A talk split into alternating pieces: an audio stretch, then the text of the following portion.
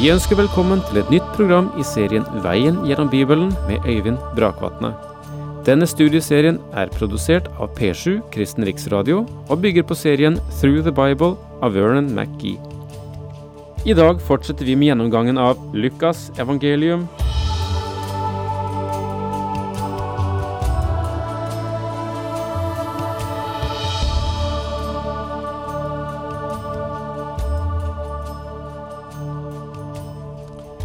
Vi avsluttet sist lignelsen om den rike bonden som vi finner det i Lukas evangeliets tolvte kapittel, og om det forvalteransvar av eh, våre midler, våre gaver, som Jesus her peker på. Og Før vi går inn på en ny del i dag, så kommer jeg til å tenke på en eh, eldre kvinne, en venn av meg, nå hjemme hos Herren, som en gang fikk besøk av et barnebarn.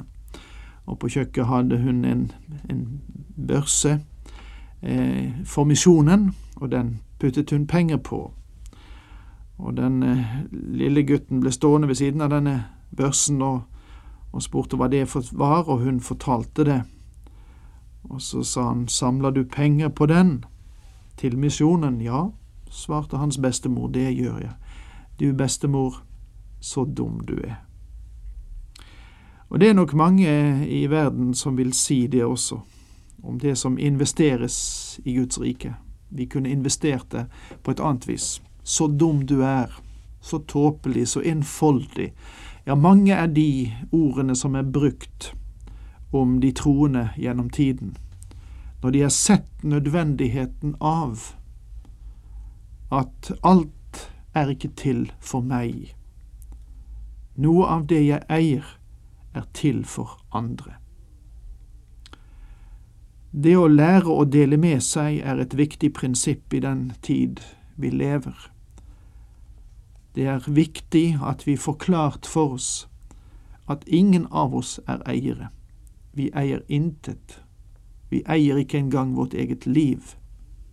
Vi er forvaltere av noe som vi har fått, noe som vi får lov til å disponere en tid, og så skal det gis tilbake igjen. Hvordan disponerer vi?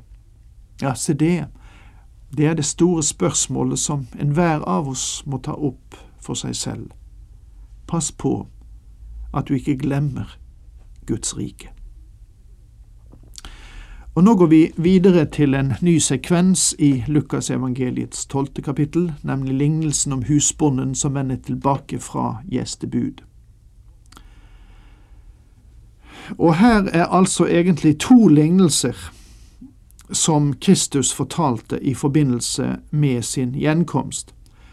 Og da leser vi fra Lukas 12, vers 35. Spenn beltet om livet og hold lampene tent, lik tjenere som venter sin herre hjem fra gjestebud og står klar til å lukke opp for ham så snart han kommer og banker på. Lykkelige er de tjenere som Herren finner våkne når han kommer. Sannelig, jeg sier dere, han skal spenne beltet om livet, la dem gå til bords og selv varte dem opp. Ja, lykkelige er de som han finner beredt, selv om han først kommer i andre eller tredje nattevakt. Men det skal dere vite, dersom husbonden visste i når tyven kom, ville han ikke la ham bryte inn i huset sitt. Vær også dere beredt for menneskesønnen kommer i den time dere ikke venter det.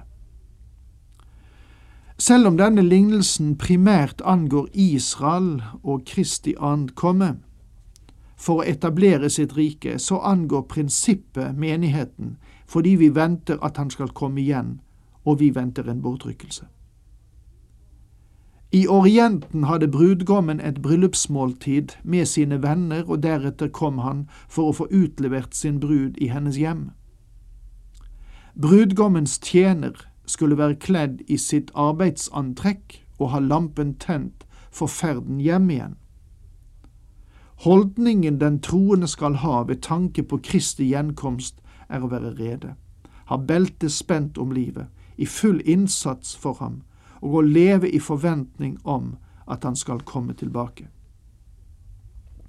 Når bildet skifter fra brudgom eller husbonde til tyv, så er det for å understreke et element av noe uventet.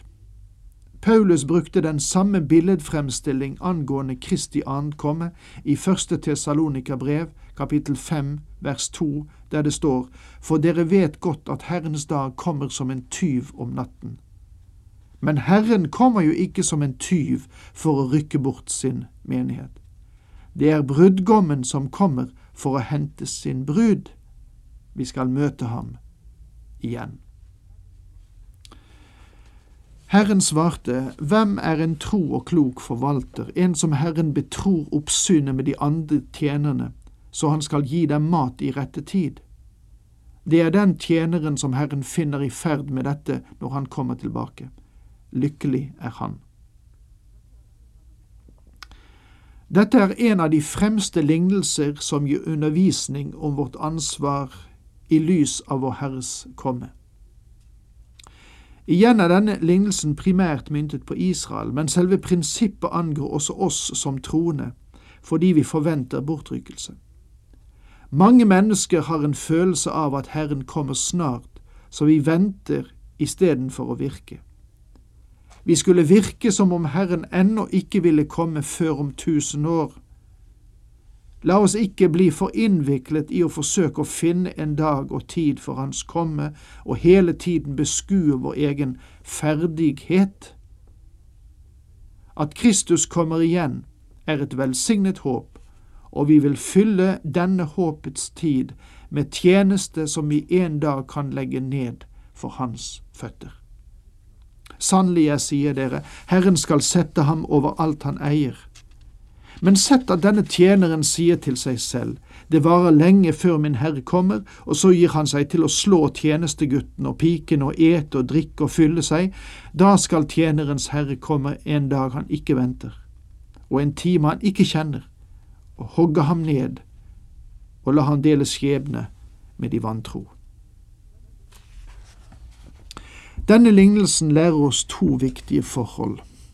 En skeptisk holdning til spørsmål om Herrens komme fører til for det første misbruk av autoritet, og for det andre sløvhet i våre holdninger. Vi skal leve i forventning om at Han kommer igjen. Vårt liv burde leves som om Herren kan åpenbare seg hvert øyeblikk, og da vil vi måtte gjøre regnskap for oss selv overfor Ham og i sannhet skal vi måtte gjøre regnskap for vårt eget liv den dag han kommer. Den tjener som kjenner sin Herres vilje og likevel ikke steller i stand eller gjør det han vil, han skal få mange slag. Men den som ikke kjenner den og gjør det som fortjener slag, han skal slippe med færre. Den som har fått mye, ventes det mye av, og den som mye er betrodd, skal det kreves desto mer av. Kanskje han verken vil komme i dag eller i morgen, men han vil komme. Vi har en tendens til å la tingene skure fordi han ennå ikke har åpenbart seg. Vi føler det som vi kan smyge oss unna et og annet, men faktum er at vi ikke kan snike oss unna noe. Den dagen han kommer, vil også vi bli dømt. For vi skal alle fram for Kristi domstol, for at hver og en skal få igjen det han har gjort i sitt liv i legeme, enten godt eller ondt. 2. Korintiabrev, kapittel 5, vers 10. Hvem er vi? Vi kristne skal også stå for Kristi dommersete. Vår dom vil ikke bestemme om vi skal frelses eller ikke. Dette vil ikke være en domstol for kriminalsaker, men en rett der det vi eier, vil være i faresonen. Han vil dømme oss for å se om vi er verd hans påskjønnelse eller ikke. Så skal det en gang vise seg hva slags arbeid hver enkelt har gjort, skriver Paulus. Dommens dag skal gjøre det klart, og den åpenbarer seg med ild, og ilden skal prøve hvordan den enkeltes verk er. Om det noen har bygd blir stående, skal han få sin lønn. Dersom hans verk brenner opp, må han lide tape. Selv skal han bli frelst, men da som gjennom ild. Det er første Korintiabrev, kapittel 3, versene 13 til 15. Så fortsetter Jesus med å si, Ild er jeg kommet for å kaste på jorden, hvor jeg ønsker at den alt var tent. Selv nå, når verden erfarer det dypeste mørket i historien, etter år null, så blir den Herre Jesus Kristus spottet. Ilden, som i dette tilfellet like mye representerer Hans ånds ild som den går på den rensende ild, er blitt kastet på jorden. En dåp må jeg døpes med, hvor tynget jeg er til den er fullført. Dette verset taler om Kristi død på korset. Mener dere jeg er kommet for å gi fred på jorden? Nei, sier jeg dere, ikke fred, men strid. Om det er fem i et hjem, skal de fra nå av ligge i strid med hverandre. Tre mot to, og to mot tre. Far skal stå mot sønn og sønn mot far, mor mot datter og datter mot mor, svigermor mot svigerdatter og svigerdatter mot svigermor. Når et menneske tar imot Kristus Jesus som sin frelser, blir man øyeblikkelig atskilt fra de ikke-troende rundt seg. Og dette vil være sant enten disse er slektninger eller venner. Og mange har opplevd smertelige ting i det øyeblikk de tok imot Jesus. For de møtte den kalde skulder, muren som kom opp, gjerne midt i en familie, fordi de ville følge Herrens vei. Og det kan ofte være tungt å bære, og er det noen som hører på meg nå som er i en slik situasjon, så vil jeg si til deg, hold ut, du skal mer enn seire ved Ham som elsket deg. Og der foregår også en kamp hos dem som står hardt imot, men han som bøyer kongers hjerter som vannbekker, han lar dem ikke stå ufølsomme, men arbeider og gjør sitt verk, selv i hårde hjerter. Og så står det videre i Lukas 12, 54 slik. Han sa også til folket, når dere ser at det skyer til i vest, sier dere straks, nå kommer det regn, og slik blir det og når dere merker at det blåser fra sør, sier dere, nå blir det varmt, og det blir slikt. Hyklere. Det dere ser på jorden og himmelen, vet dere å tyde. Hvorfor kan dere ikke da tyde denne tid? Vi trenger å innse og legge merke til hva slags verden vi lever i. Mennesket tror det er stort nok og godt nok til å bringe fred på jorden. Det er et stort mistak. Mennesket er en krigshisser. Våre massemedier legger ikke skjul på det og gir oss ingen anledning til å glemme det faktum. Og vi må være klar over at før Kristus kommer, vil det ikke bli noen virkelig fred. Vi er nødt til å leve med spenningene. Spenningene mellom mennesker, spenninger mellom folkeslag Spenninger mellom rike og fattige ser det ut til, fordi vi ikke har dette sinnelaget som deler med seg.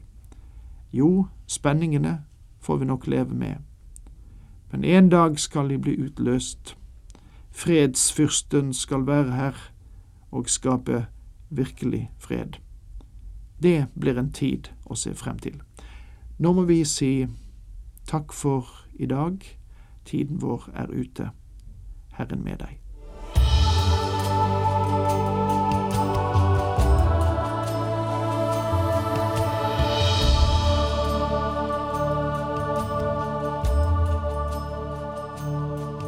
Du hørte Øyvind Brakvatne i studieserien Veien gjennom Bibelen. Serien bygger på et manus av Vern McGee. Har du spørsmål eller kommentarer til programmet, kan du sende en e-post til vgb krøllalfa p7.no. Takk for i dag, og på gjenhør.